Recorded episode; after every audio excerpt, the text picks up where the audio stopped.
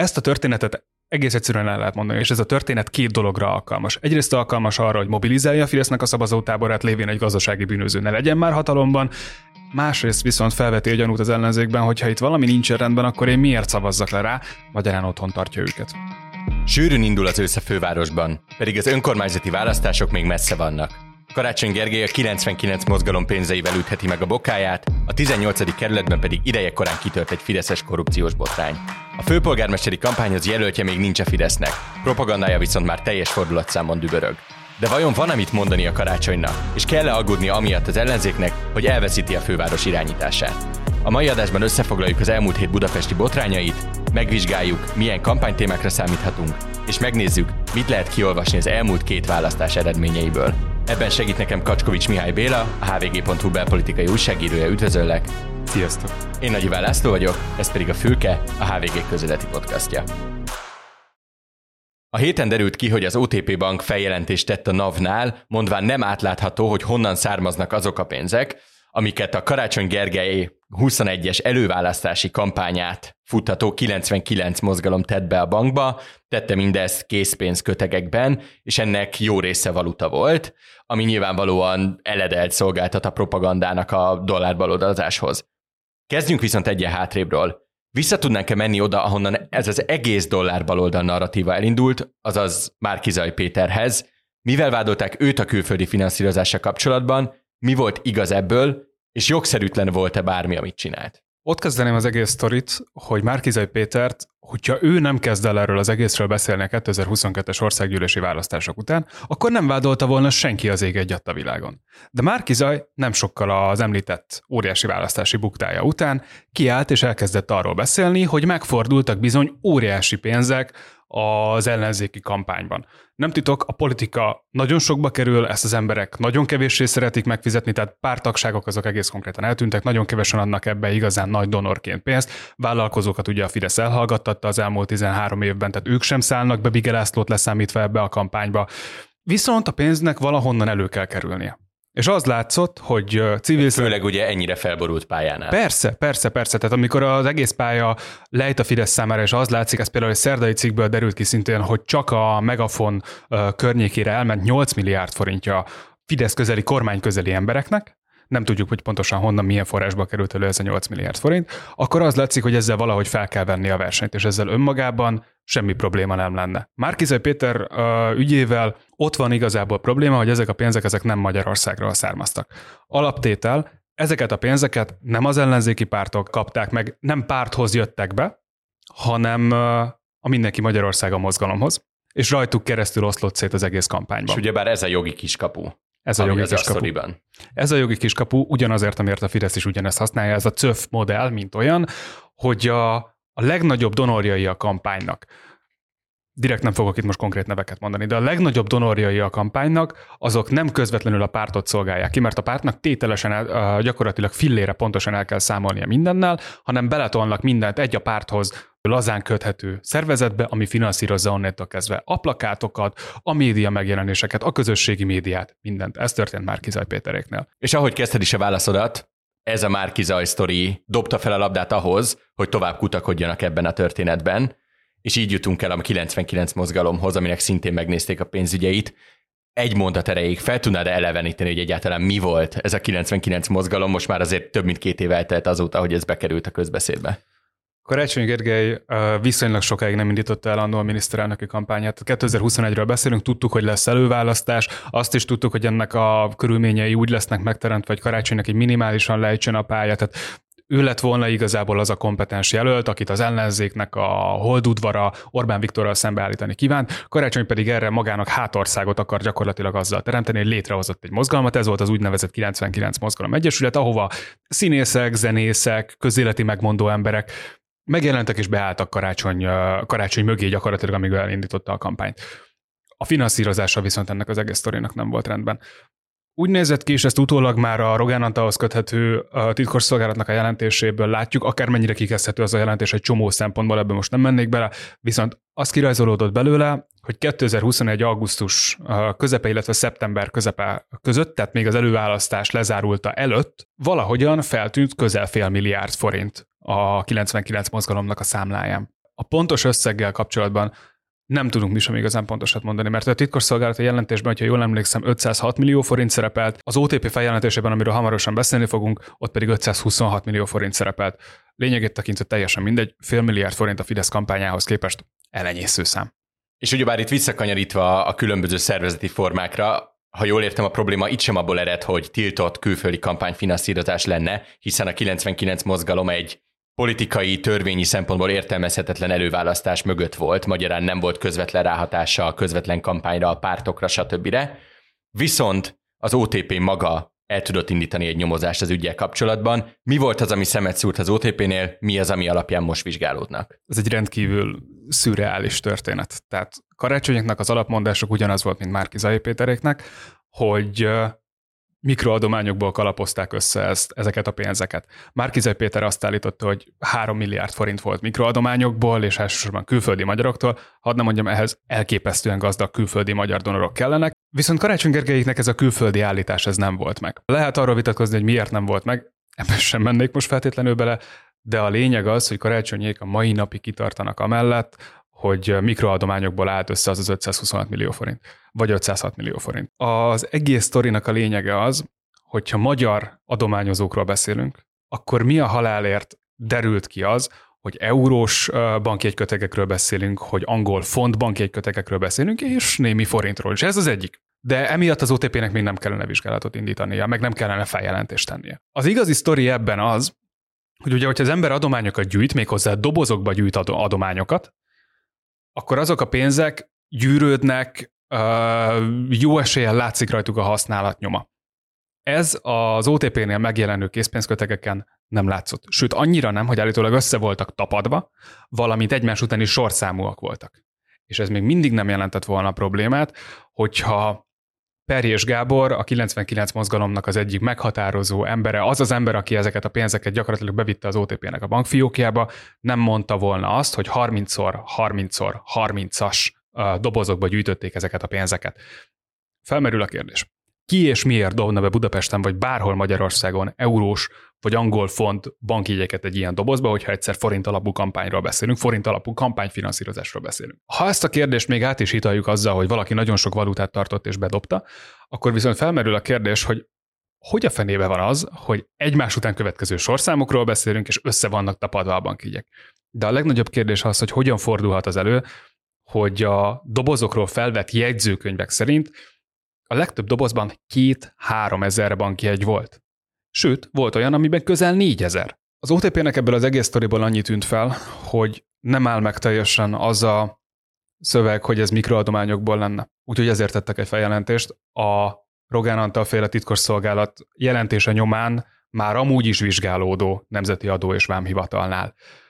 Az OTP-nek nem véletlenül merült fel ez a kérdés. Tehát ez a kérdés ez nem saját maguktól merült fel, nem csak saját maguktól. A feljelentés szövegéből kiderül az, hogy az egész uh, kampányfinanszírozás körüli kormánymédia által keltett hiszti volt az, ami az ő figyelmüket is felhívta arra, hogy valami hit valószínűleg tényleg nincs rendben, és erre utal az is, hogyha minden rendben lenne, akkor karácsonyek miért nem tudják elmondani azt, hogy honnan volt a pénz, ki adta azt a pénzt, hogyan került hozzájuk, hogyan fordulhat elő, hogy, hogy tényleg relatíve kis dobozokba egyszer ennyi bankjegy beleférjen, susmusolás van, hallgatás van, konkrét reakciót nem kapunk tőlük, Perjés Gábor gyakorlatilag ránk vágja a telefont, a főpolgármesternek a sajtóosztálya nem válaszol, sem a városháza, sem a saját privástábja, teljes hallgatása vezi ezt a kérdést. De egyébként és nem tudom, hogy te mennyire vagy tisztában, én semennyire nem vagyok tisztában azzal, hogy a különböző mozgalmak bankszámlái azok hogyan működhetnek, de valamilyen szinten észszerű is, és nem kell azt feltételezni, hogy az OTP beállt a propaganda csata sorába, mert hogyha én magánszemélyként beviszek és berakok több millió forintot egy bankszámlára, akkor is egy adott összeg fölött jönnek kérdések, hogy honnan akarom én ezt a pénzt csúnya szóval élve tisztára mosni.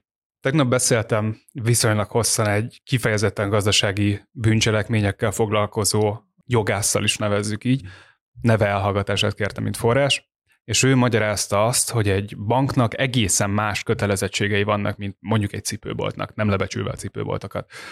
Egy cipőbolt nem fogja tőled megkérdezni azt, hogy hogy honnan származik az a pénz, amit Miből vetted ki... meg 75 ezer KP-ból az Air jordan igen. ha már a hét szoriainál vagyunk, akinek nem lenne releváns ez a példa, az be tenni az adás leírásába, ne haragudj. Mindenkinek ajánlom, hogy nézze is meg. Viszont egy bank meg fogja kérdezni még hozzá azért, mert két gyanú merül fel. Két gyanú merülhet fel, az egyik a terrorizmus támogatása, a másik pedig a pénzmosás. Szinte kizárható az, hogy karácsonyék esetében bármelyik fennállna, de egy bank ilyenkor nem azért, hogy a kormány propaganda érdekeit kiszolgálja, hivatalból köteles egy eljárást, egy belső vizsgálatot elindítani, aztán, hogyha úgy látja indokoltnak, akkor ebbe a belső vizsgálatba külső szereplőket is bevonni, és külső szereplővel együtt megkérdezni az adott befizetőt, hogy ugyan mesélt már el, hogy honnan van ez a pénz. Az alapján, amit mondasz, és látva azt, hogy milyen propaganda hadjáratok mennek Karácsony Gergely ellen, ez azért egy egészen erős, mondhatjuk azt, hogy erősítőkártyának tűnik, nem? Erősítőkártyának tűnik, de nem tudjuk még azt, hogy a Fidesz ezt pontosan hogy fogja felhasználni. Láttuk azt az elmúlt lassan öt évben, hogy hogyan épülnek fel a karácsony elleni lejárató kampányok. Általában a médiában először bedobnak egy témát, megnézik, hogy hogyan rezonálnak rá az emberek, és hogyha azt látják, hogy az adott téma fut, akkor elkezdik fölépíteni. Az, hogy nincs rendben az ellenzéknek a kampánytámogatása, ezt nem csak a kormány média tudja, hanem tudjuk mi is látjuk azt, hogy nagyon sok olyan pénz fordult meg az ellenzéknél, amivel nem tudnak tételesen elszámolni. Ez nem csak a kormány propaganda számára gáz, hanem az ellenzék számára is piszkosulgáz, és az ellenzék, ellenzéki nyilvánosság számára is piszkosulgáz, ugyanis integritási problémákat vet fel. Hogyha nem tudjuk, hogy kitől jött a pénz, akkor nem tudjuk, hogy kinek lóg esetleges szívességgel, akár Karácsony Gergely, akár Márkizaj Péter. Tehát jól értem abból, amit mondasz, hogy annak a propagandának, ami azért főleg a fajék egyszerűségű üzenetekre megy, egy ilyen sztori nem feltétlen olyan értékes, amit most beszélünk róla 10 perce, hogy megértsük, mint sem abban, hogy gyengítse azt az ellenzéket, ami egyébként is azért vonogatja a szemöldökét az összefogások és az eredmények láttán a saját pártjaira, és hogyha azt látják az ellenzéki szavazók, hogy hát itt erős kamuzás van azzal kapcsolatban, honnan van ez a pénz, akkor tovább erodálódhat az ellenzéki szavazóknak a száma, ami indirekte, de ugyanazt eredményez, hogy a Fidesz jobban álljon. Ezzel egy minimálisan vitatkoznék. Egy ilyesféle ügy nagyon egyszerűen lebontható a propaganda számára, egész egyszerűen kijelentik azt, bármiféle valóság, illetve jogalap nélkül, hogy Karácsony Gergely vagy az ellenzék gazdasági bűnözőkből áll, pénzmosókból áll. Erről az állításról tudjuk, egyelőre tudjuk, hogy nem igaz. Ezt a történetet egész egyszerűen el lehet mondani, és ez a történet két dologra alkalmas. Egyrészt alkalmas arra, hogy mobilizálja a Fidesznek a szavazótáborát, lévén egy gazdasági bűnöző ne legyen már hatalomban, Másrészt viszont felveti a gyanút az ellenzékben, hogy ha itt valami nincs rendben, akkor én miért szavazzak le rá, magyarán otthon tartja őket. Köszönöm, és akkor menjünk is tovább a második botrányra, amit már a bevezetőben is említettem. Összetudnál-e foglalni nagyon röviden, rövidebben, mi lévén kevésbé bonyolult az ügy, mint az OTP sztorit azt, hogy mi történt a 18. kerületben ezen a héten, pontosabban mi az a sztori, ami előbukott, ami miatt a Fideszes Léva István Zoltán nem fog tudni Fideszes színekben elindulni. Ez ránézése egy nagyon szimpla ügy. Annyi történt, hogy Léva István Zoltán megkeresett egy passzivistát a Magyar Kétfarkú Kutya pártól, Aleva Mártáról beszélünk, hogy fizetne neki 5 millió forintot azért, finanszírozna gyakorlatilag egy vállalkozón és Trumanon keresztül a kampányát, hogy meginduljon Szaniszló Sándor DK-s polgármesterrel szemben. Ezzel szavazatokat vive el gyakorlatilag a helyi ellenzéki dk vezetéstől, és ezzel is segítve uh, Lévainak a, a polgármesteri ambícióit. Ez azért lett volna jó a Fidesznek, értelemszerűen, és ezt nem kell nagyon magyarázni, hogyha valaki az ellenzéktől viszel szavazatokat, az valószínűleg nem a Fideszes szavazatokat fogja elmarni Lévai mellől, magyarán többen maradnak a Lévai mellett, hogyha van még egy ember, aki támadja Szaniszlót valamivel. Erről nem tudunk konkrétumot mondani, viszont úgy néz ki, hogy Lévai ha ezt a pénzt átadta volna, akkor azt is elvárta volna a passzivistától, hogy őt személyében ne támadja magyarán. Két ember lett volna gyakorlatilag Szaniszlóval szemben. Mi történt? A passzivista fogta magát és elment a Válasz Online-hoz a sztoriba. Méghozzá hangfelvételekkel a kezében, és az egész sztorit a Válasz Online hétfő reggel ki tudta buktatni, nem sokkal később, tehát azt hiszem, hogy 24 órával később Lévai lemondott mind a pártagságáról, mind a polgármesteri ambíciójáról, End of the story. Az egész sztorival kapcsolatban azért felvetődik az a kérdés, hogy ez miért most bukott ki, tehát hogy még majdnem 9 hónap van a választásokig, miért most jönnének elő egy olyan sztorival, ami a Fidesz azért erősen károsítja, legalább helyben biztosan, de azért unblock a budapesti nívóján, egyébként sem túl jó nívóján is ront. És erre van egy olyan feltételezés, ami szerintem működik, és kíváncsi vagyok, hogy szerinted is működik-e, hogy az, hogy most jöttek ezzel elő, amikor még a jelöltállítási szakasz van, sokkal több figyelem fog szegeződni minden egyes kerületben arra, hogy mi történik a kisjelöltekkel, és hogyan működnek a helyi fideszesek. Erről te mit gondolsz? Na ez az, amitől bonyolultabb az amúgy szimplának tűnő történet. Az a helyzet, hogy valószínűleg rendszer szintű dologról van szó, és valószínűleg nem Léva István Zoltán az egyetlen olyan fideszes politikus, aki az elmúlt pár hónapban megkereste ezzel a kispártoknak a jelöltjeit, legyen szó akár mondjuk a Mi Hazánkról, akár a Magyar Két Kutyapártról, vagy akár bármilyen olyan helyi civil jelöltről, aki megindulna a polgármesterségért, és ezzel a helyi ellenzéki vezetést gyengíteni meg. Azzal, hogy valaki felhívja egy rendszer szintű dolognak a, a tényére a figyelmet, az egészet berakja a középpontba mostantól kezdve egyetlen Fideszes sem lehet nyugodt, hogyha leül valakivel, hogy az illető nem veszi fel, nem áll le ott egy fotóriporter két sarokkal arrébb egy óriási teleobjektívvel, hogy lefotózza őket egymás mellett. Köszönöm, menjünk is el egy gyors szünetre, azután fogjuk azzal folytatni, hogy egyébként milyen a kampányállapot a Budapesten, és milyen esélyekkel indul a Fidesz, ki lehet Karácsony Gergely kihívója, és mire számíthatunk a jelenlegi tudásunk alapján. Ezt megelőzően viszont engedjék meg a hallgatók, hogy elmondjam, hogy csütörtökön jelent meg a Vasfüggöny című kulturális podcastunknak a második epizódja, amelyben Borbély Alexandra és Nagy Ervin volt Kovács Bálint vendége. Ha még nem ismerik ezt a műsort, hallgassák meg ezt a kis ajánlót, ami most következik. Ha pedig már hallották, erre az epizódra is kattintsanak rá, a reklám után folytatjuk.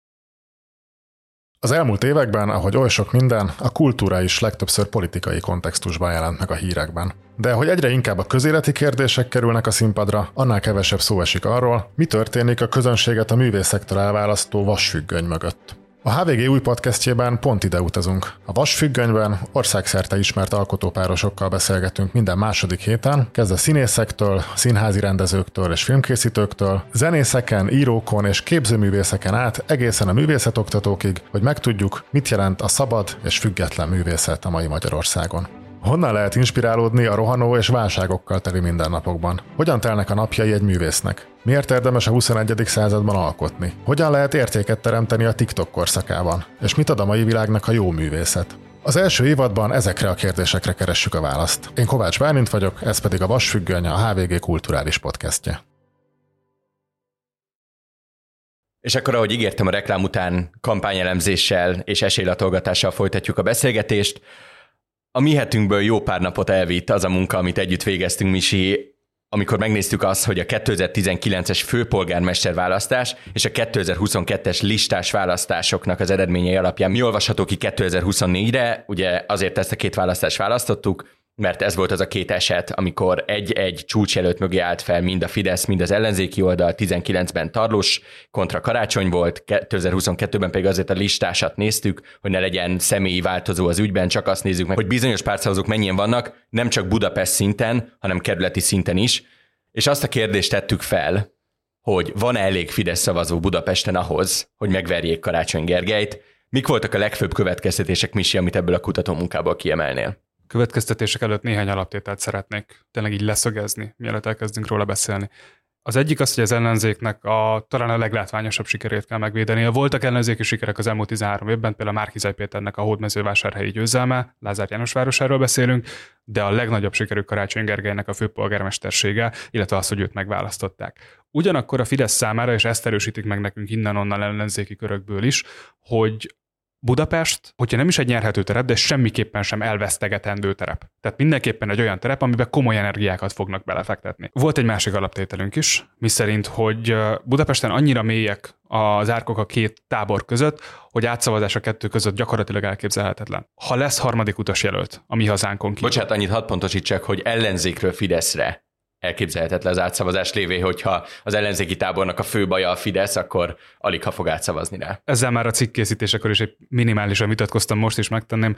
Én azt is nagyon nehezen tudom elképzelni, akármennyire fővárosi fideszesekről beszélünk, hogy ők átszavaznának az elmúlt öt évnek a masszív lejárató kampánya után a karácsonyékra bármilyen szinten is. Ezért ez érdekes még, ha annyit visszacsatolnék egy korábbi műsorunkra, amikor Karácsony Gergely volt a Fülke Extrában, hogy ő váltig állítja, hogy vannak olyan fideszesek Budapesten, akik karácsony szavazók. Trendek is azt mutatják, hogy egyébként fideszes strongholdok jelentősen átfordultak az ellenzékhez 19-22-re, úgyhogy talán ezt én nem zárnám ki, de nem vitatkozom tovább, hagyom, hogy végigmond.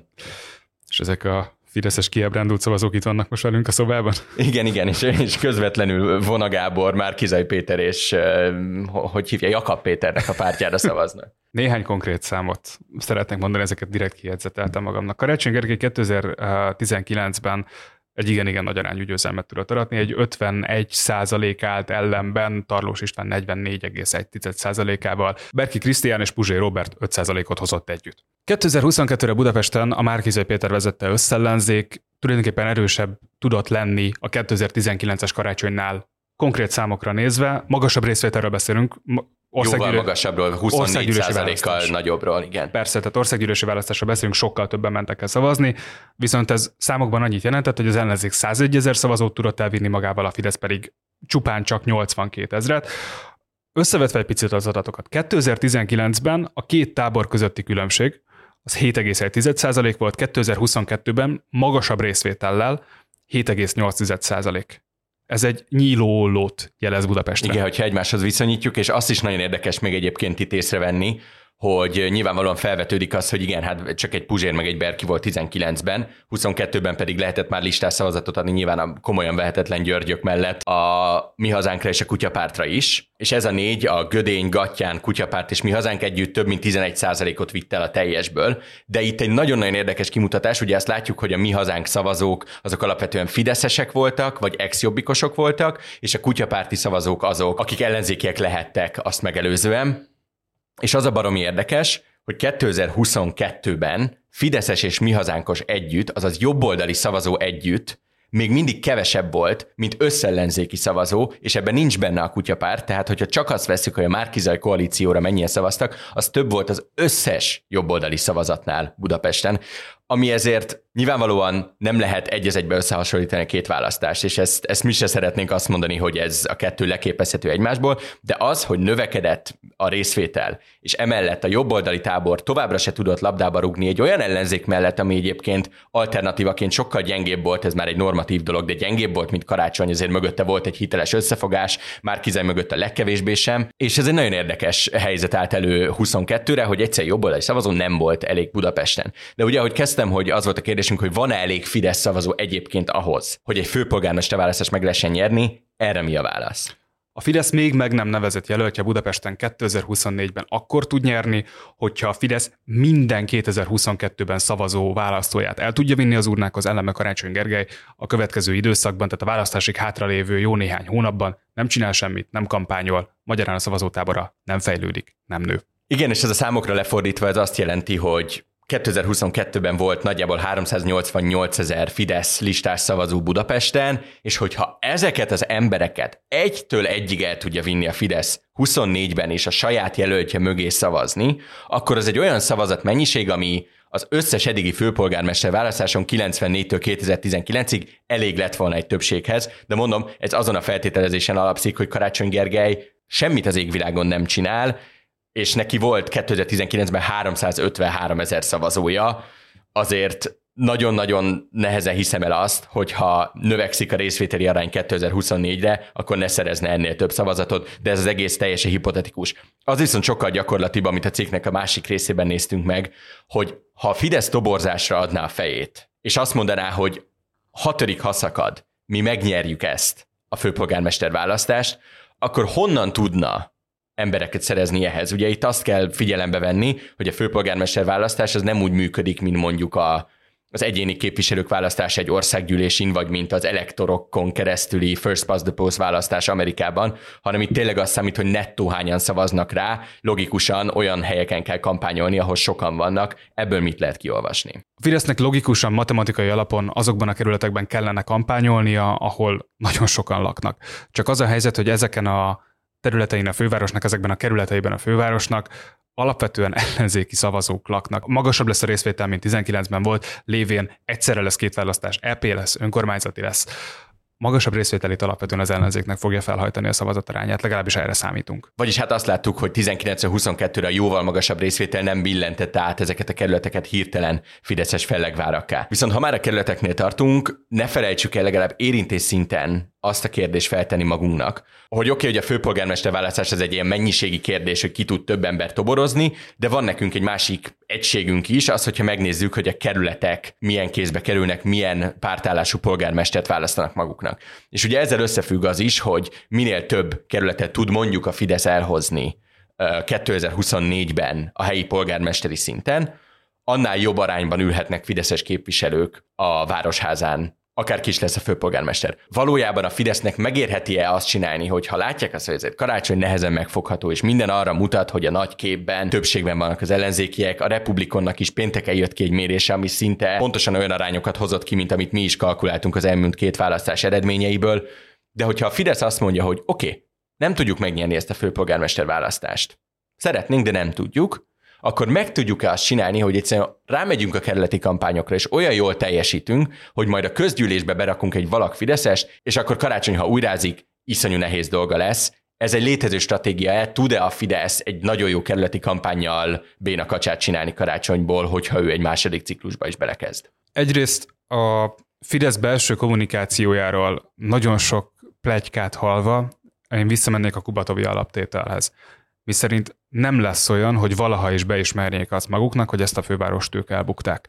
Nem lesz olyan, hogy valaha elhangozzon az, hogy ez a főpolgármesteri széket el kell engedni. Egész egyszerűen a Fidesz egy, egy rendkívül győzelemorientált párt, nem tehetik azt meg, nem fér bele a saját image még szerintem befelése, hogy beismerjék, hogy elvesztettek valamit. Ellenben. Megtehetik azt, hogy rendkívül erős kerületi kampányokat nyomnak, és van néhány olyan kerület, ami most jóval a választások előtt politikailag, matematikailag a Fidesz számára foghatónak tűnik, legyen szó mondjuk akár a 15. kerületről, akár mondjuk az első kerületről, ami mondjuk úgy, hogy vannak arra utaló jelek, hogy instabil a kerületi vezetés, és lehet keresni valója ott a Fidesznek.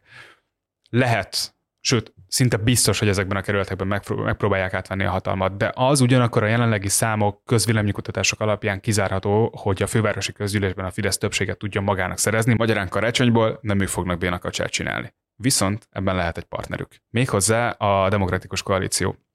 Az elmúlt években, főleg a 2022-es országgyűlési választások után, az egy nagyon komoly tendencia volt, hogy szocialista, momentumos, illetve más egyéb ellenzéki pártokból származó politikusok átugrálnak a demokratikus koalícióba.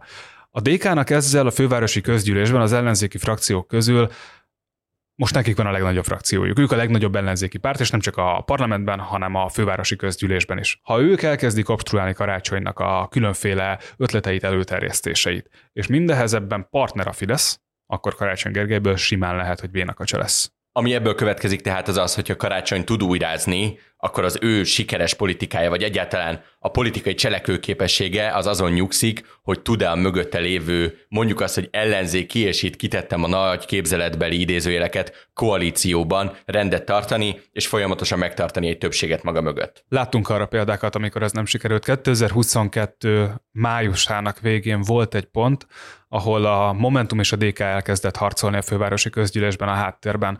Rég volt már a sztori, de úgy nagyjából a vonalak azok még megvannak a fejemben. A következő történt, Momentum elkezdte azt kifogásolni, hogy a DK nem engedi át az összes többi ellenzéki pártnak, legfőképpen nekik azokat az önkormányzati képviselői helyeket, ahonnan nekik politikusai jutottak be az országos listán a parlamentbe.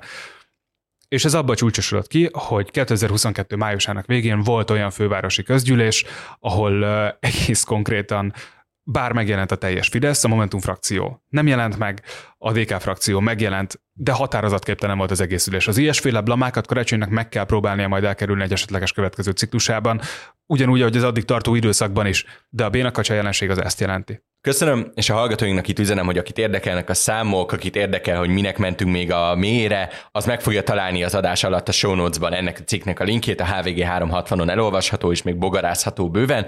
Most viszont menjünk át arra a témára, amit egy matematikai alapú írásban nem tudtunk megvizsgálni, ellenben egy politikai podcastban már sokkal inkább arra, hogy milyen kampány épül Budapesten a főpolgármesteri székére, amire ugye leszögeztük, hogy ez a Fidesznek koronaékszer, az ellenzéknek pedig gyakorlatilag létkérdés, hogy megtartsa az egyetlen bástyáját. És nagyon érdekes az, hogy, hogy úgy beszélünk, tényleg fél órája, több mint fél órája a főpolgármester kérdéséről, főpolgármester választásról, mint olyan, hogy nem tudjuk, hogy ki lesz Karácsony Gergely kihívója.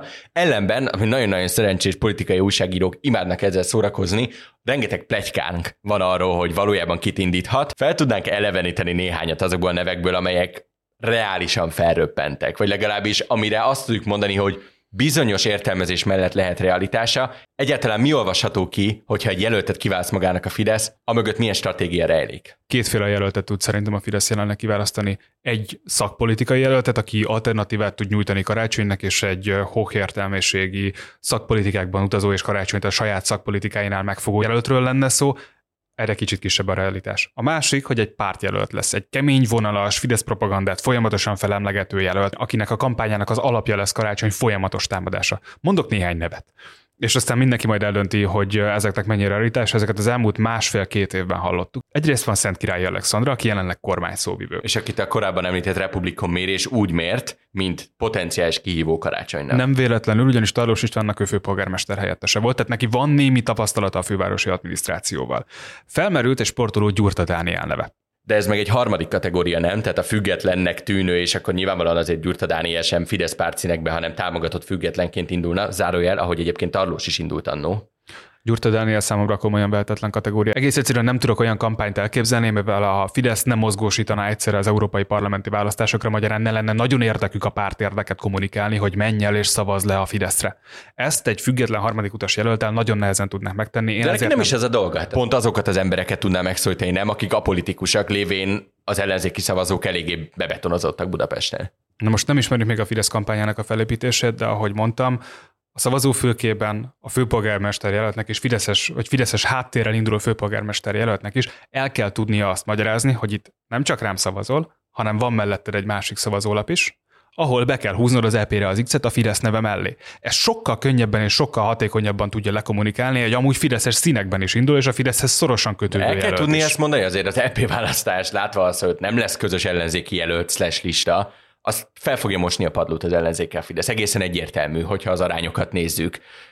Ha meg akarják nyerni Budapestet, és azt látjuk, hogy ott egyébként egy Fidesz logó az többet árt, mint használ, akkor azt gondolod, hogy egyébként egy Gyurta nem lenne jobb jelölt, mint mondjuk, és akkor bedobom a kedvencemet, mint mondjuk egy német Balázs vagyok? Két teljesen különböző karakterről beszélünk. Az egyiket kizárólag sportolói, illetve sportdiplomatai oldaláról ismerjük lévén a Magyar Olimpiai Bizottságnak tagja Gyurta Dániel.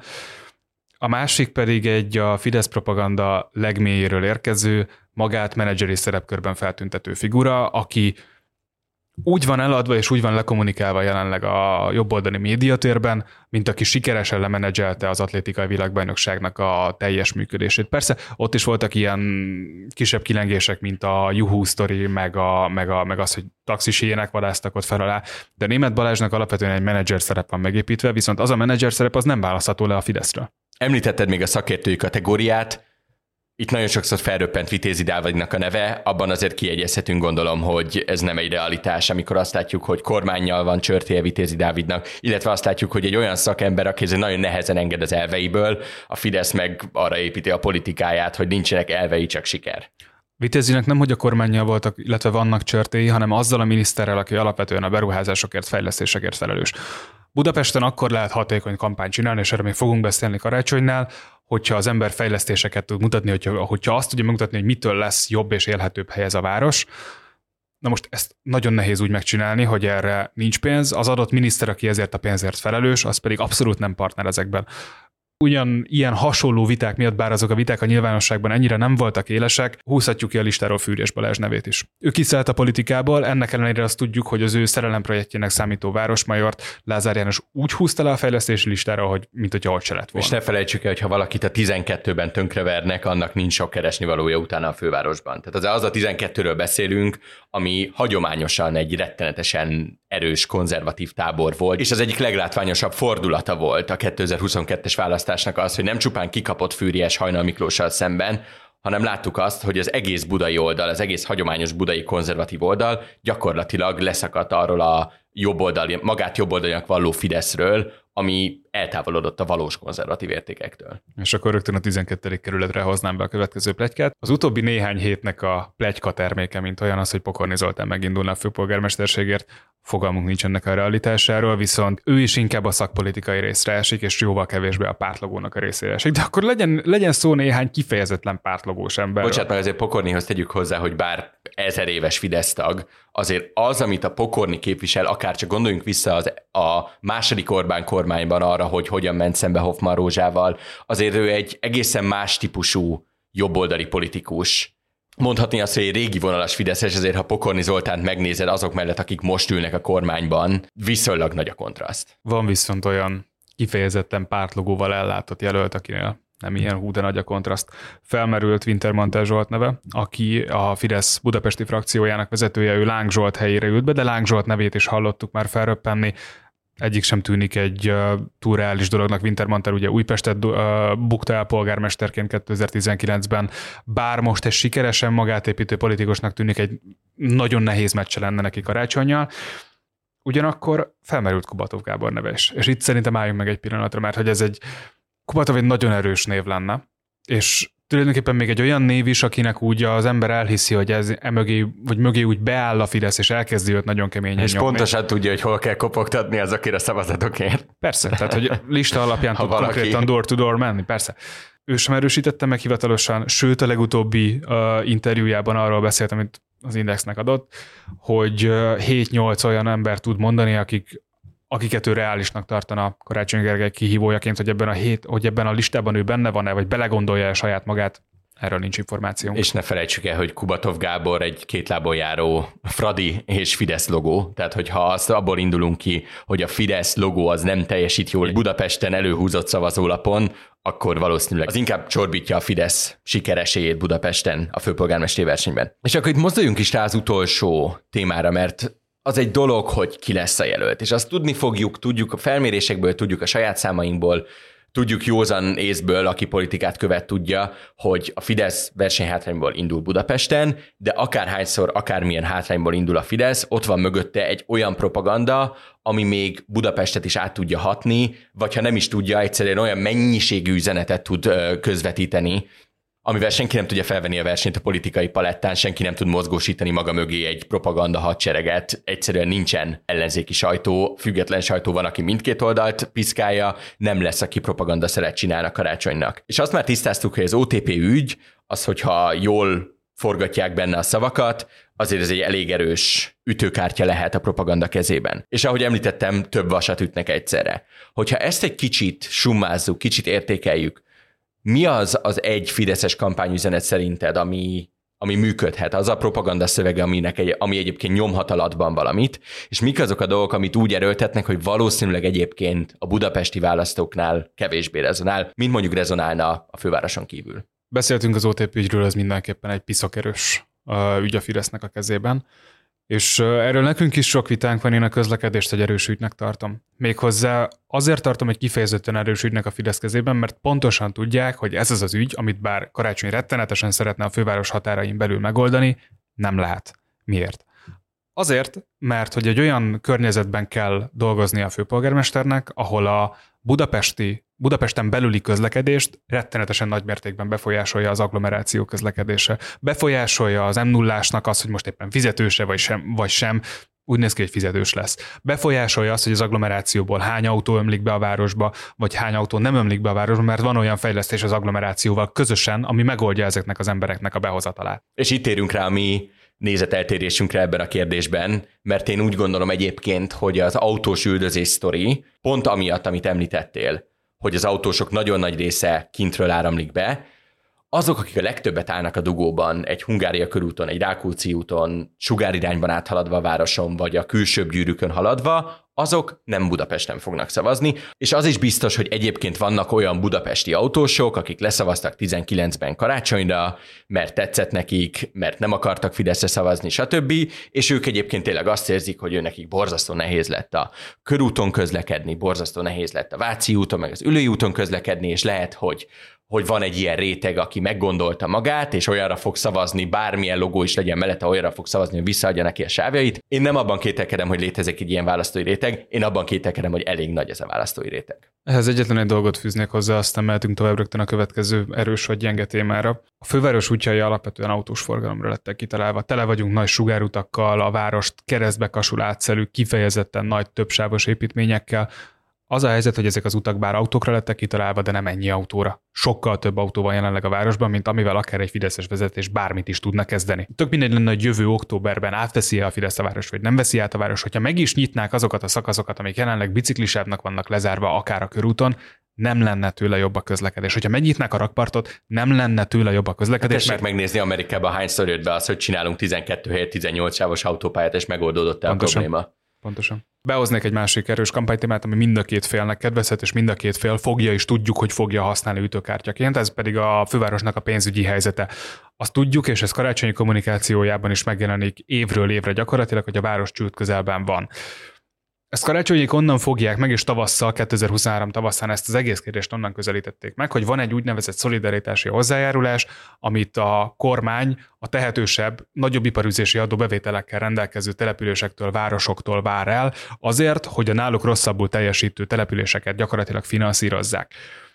A helyzet az, hogy a kormány több pénzt vár el a bizonyos településektől, legyen szó akár Budaörsről, akár a fővárosról, mint amennyit ő maga ad nekik, akár tömegközlekedési normatívaként, akár bármilyen más támogatásfejlesztési pénzként. És erre mondták az karácsonyék, hogy ezt mi innentől kezdve nem fogjuk befizetni, nem fogjuk finanszírozni a kormányt, és ez volt az egyik alaptétele a budapesti lakógyűlésnek karácsony gyakorlatilag saját nemzeti konzultációjának, hogy akkor most mi a fontosabb, az, hogy finanszírozzuk a kormányt és rajtuk keresztül közvetetten az összes többi kis települést, vagy az, hogy járjon a villamos is. Ezt nagyon fontos érteni ebben az egész sztoriban.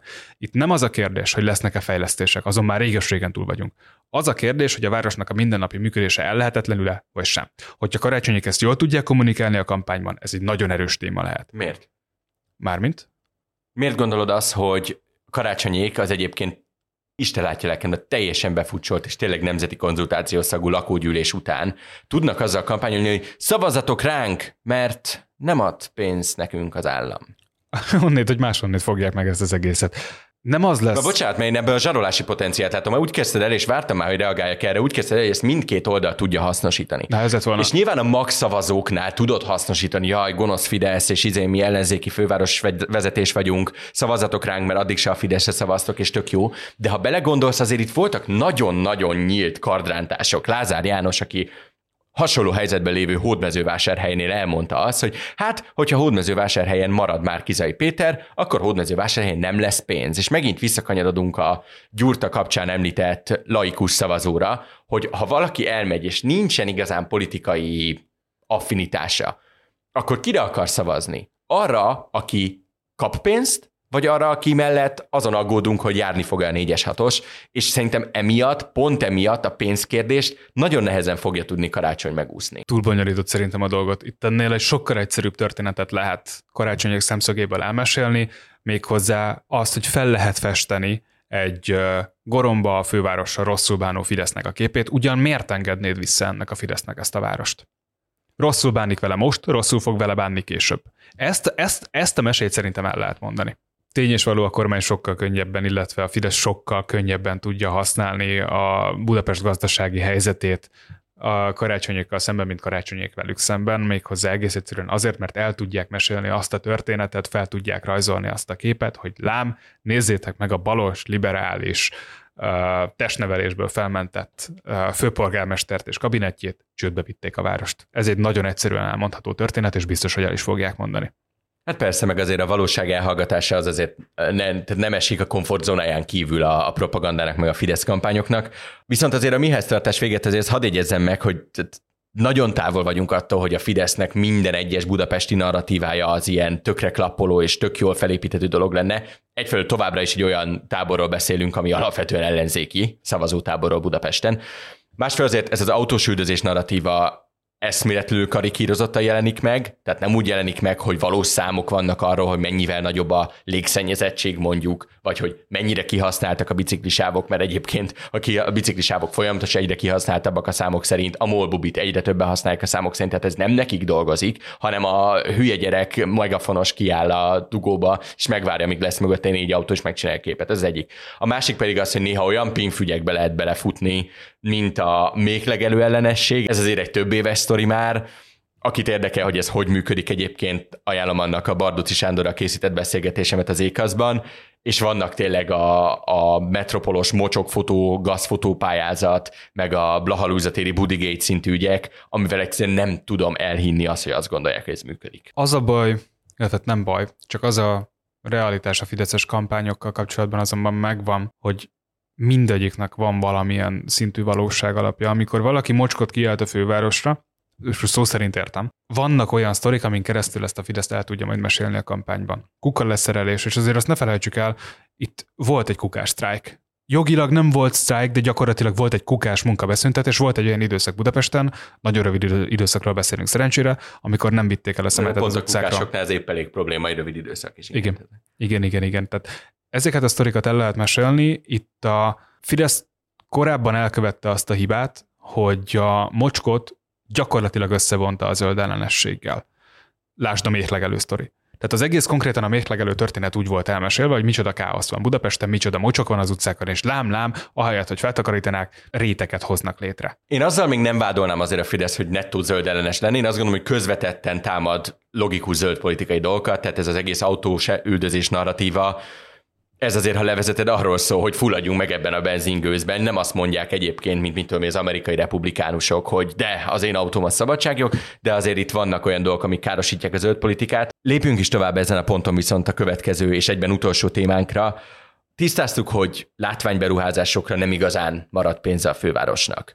Ami megtörtént, M3-as metró, Lánchíd, Blahalújza tér, mind olyan dolgok, amelyek még a tarlós érában kezdődtek el, legalább a tervezési fázisok. Nyilván belenyúlt a főváros, saját szájíze szerint alakította át, lásd az, hogy akadálymentes lett az összes hármas metró megálló, ami egy tök fontos dolog, lásd az, hogy autómentes lett a Lánchíd, ami egy vitatott dologba, de belement a főváros, ablahalúzatér kialakítása, az ottani fásítás, stb. hasonló kérdések mi az, amit egy ilyen helyzetben, amikor nem volt pénzük semmire, volt egy koronavírus járvány, volt egy háború, ami egy elképesztő inflációs spirálba lökte az országot a kormány hozzájárulásával. Mi az, amit szerinted karácsonyig hatékonyan tudnak képviselni, és hatékonyan tudnak vele kampányolni, mert láttuk azt, hogy vannak bizonyos dolgok, amikre tud hangosabbat válaszolni a propaganda. Itt nagyon sok dolog játszik egyszerre közben.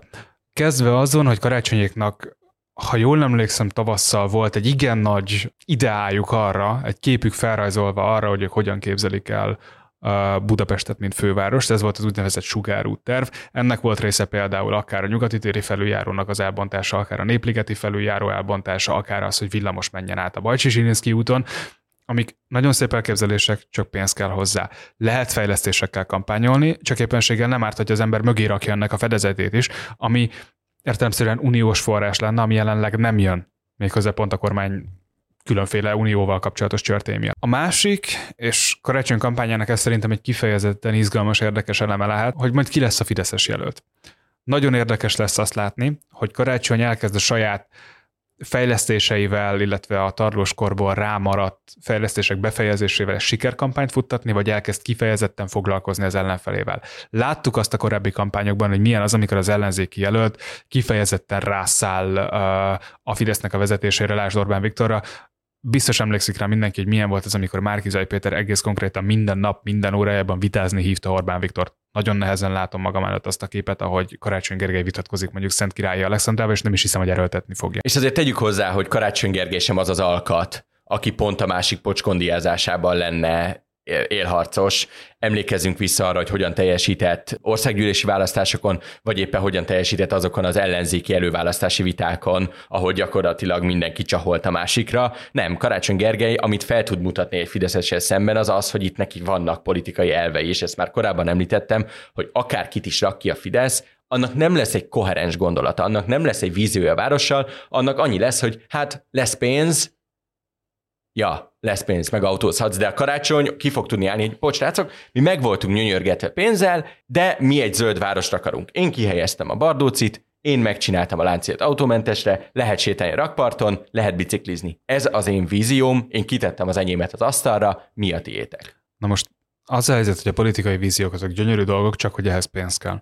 Azokat, amiket elmondtál, ezek relatíve költséghatékony víziók de szintet kéne lépni. Ahhoz, hogy a karácsony hosszú távon stabilizálni tudja a hatalmát, ahhoz, hogy újra válasszák, valamit adnia kell, valamit ígérnie kell, és valahogy tovább kell fejleszteni az eddig megígért dolgait, erre viszont nem lesz pénze. Iszonyú... Hát akkor lehet pénze, amit már azért elkezdtek szervezni, és amit az Európai Unió is szeretne, hogy egyre több forrás jusson el közvetlenül városokhoz, de ez megint csak egy ha. Pontosan is mondom, tehát feltételezésekre meg nem nagyon lehet építeni. Tényleg egy üres fővárosi kasszáról beszélünk, amiből nagyon nehéz lesz előrelépni, és ez lesz talán az első olyan karácsony kampány, amikor pontosan tudja, hogy nem ígérhet meg ütrepüfre mindent, mert utána az rajta lehet, hogy lesz, aki számon fogja kérni. Tehát, hogyha azt gondolod, hogy Karácsony Gergelyt valaminek nem kell nagyot lökni rajta, de át fogja lökni a sikerküszöbön, az az lesz, hogy több ellenzéki szavazó van Budapesten, nem az, amit kínálni tud? Igen, határozottam. Misi, nagyon szépen köszönöm, a hallgatóinak pedig köszönjük szépen a figyelmet, és üzenem még egyszer, minden olyan témai cikk, amit érintettünk, az benne lesz részletesen a show notes-ban, rá lehet kattintani, el lehet olvasni a hétvégén, a főke pedig jövő héten folytatódik, addig is iratkozzanak fel a HVG podcastokra és kapcsolják be az értesítéseket, ugyanis az Ékasz és a Mérlegen új évadjai elindultak, debütált ugyebár a korábban említett Vasfüggöny, valamint a Közjól Wellbeing podcastunk is, ezeket is mindenképp hallgassák meg. Én Nagy László vagyok, viszont hallásra!